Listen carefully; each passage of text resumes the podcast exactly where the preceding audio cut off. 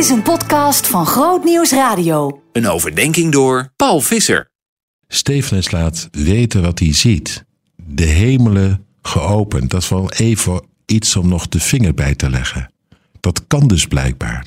De hemel lokaliseren wij vaak heel ver weg in de ruimte. Maar de hemel is blijkbaar heel dichtbij. Want als die open gaat, gebeurt dat gewoon in die zaal waar dat Sanhedrin bijeen is en Stefanus zich moet verantwoorden. Nee, je kunt zelf die deur niet openen, maar, maar van de andere kant kan die deur wel voor je open gaan. En dan kijk je zo de hemel in. Misschien heb je het wel eens gehoord, de hemel is niet heel ver weg in de ruimte, de hemel is een andere dimensie. En Stefanus die maakt het hier mee. Vlak voor zijn ogen opent de hemel zich en ziet hij Jezus staande aan de rechterhand van God. Niet zittend, maar staand. Opgestaan is hij om te hulp te komen. Prachtig, hè? Als je dat te zien krijgt, terwijl de woede om je heen niet meer te houden is, en je aanvoelt, ik word door die woede verpletterd, vernietigd. En dan weten, daar middenin, is het de hemel zelf die van mij weet, die het voor mij opneemt.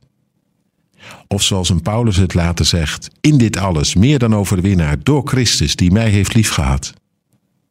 Dat maakt het verschil. Wat er dan ook gebeurt, hoe het dan ook gaat.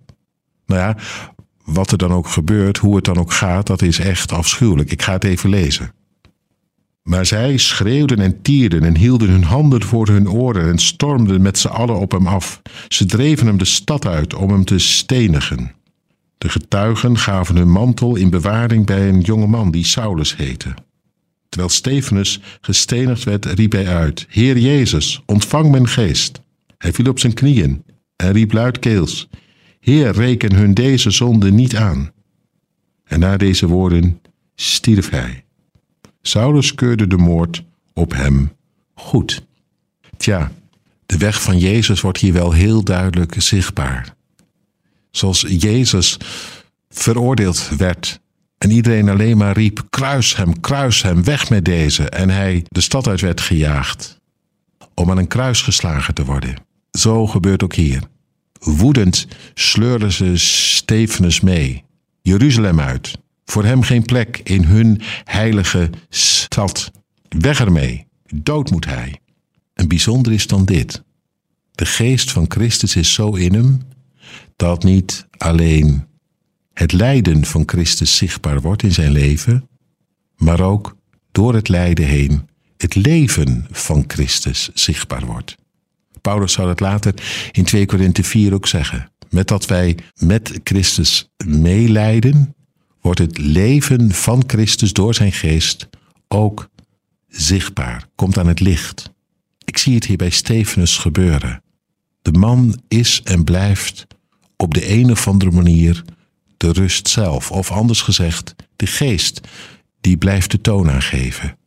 Terwijl die wordt gestenigd, een afschuwelijke dood, als je zo aan je eind komt.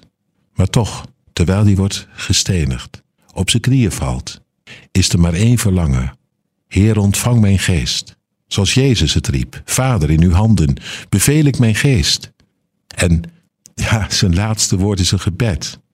En opnieuw hoor ik daar Jezus in terug.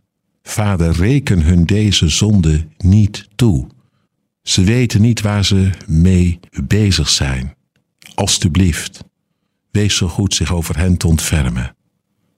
Een liefde tot in de dood. Nou, dan moet je heel veel met Jezus hebben. Of anders gezegd, dan leeft Christus voluit in jou.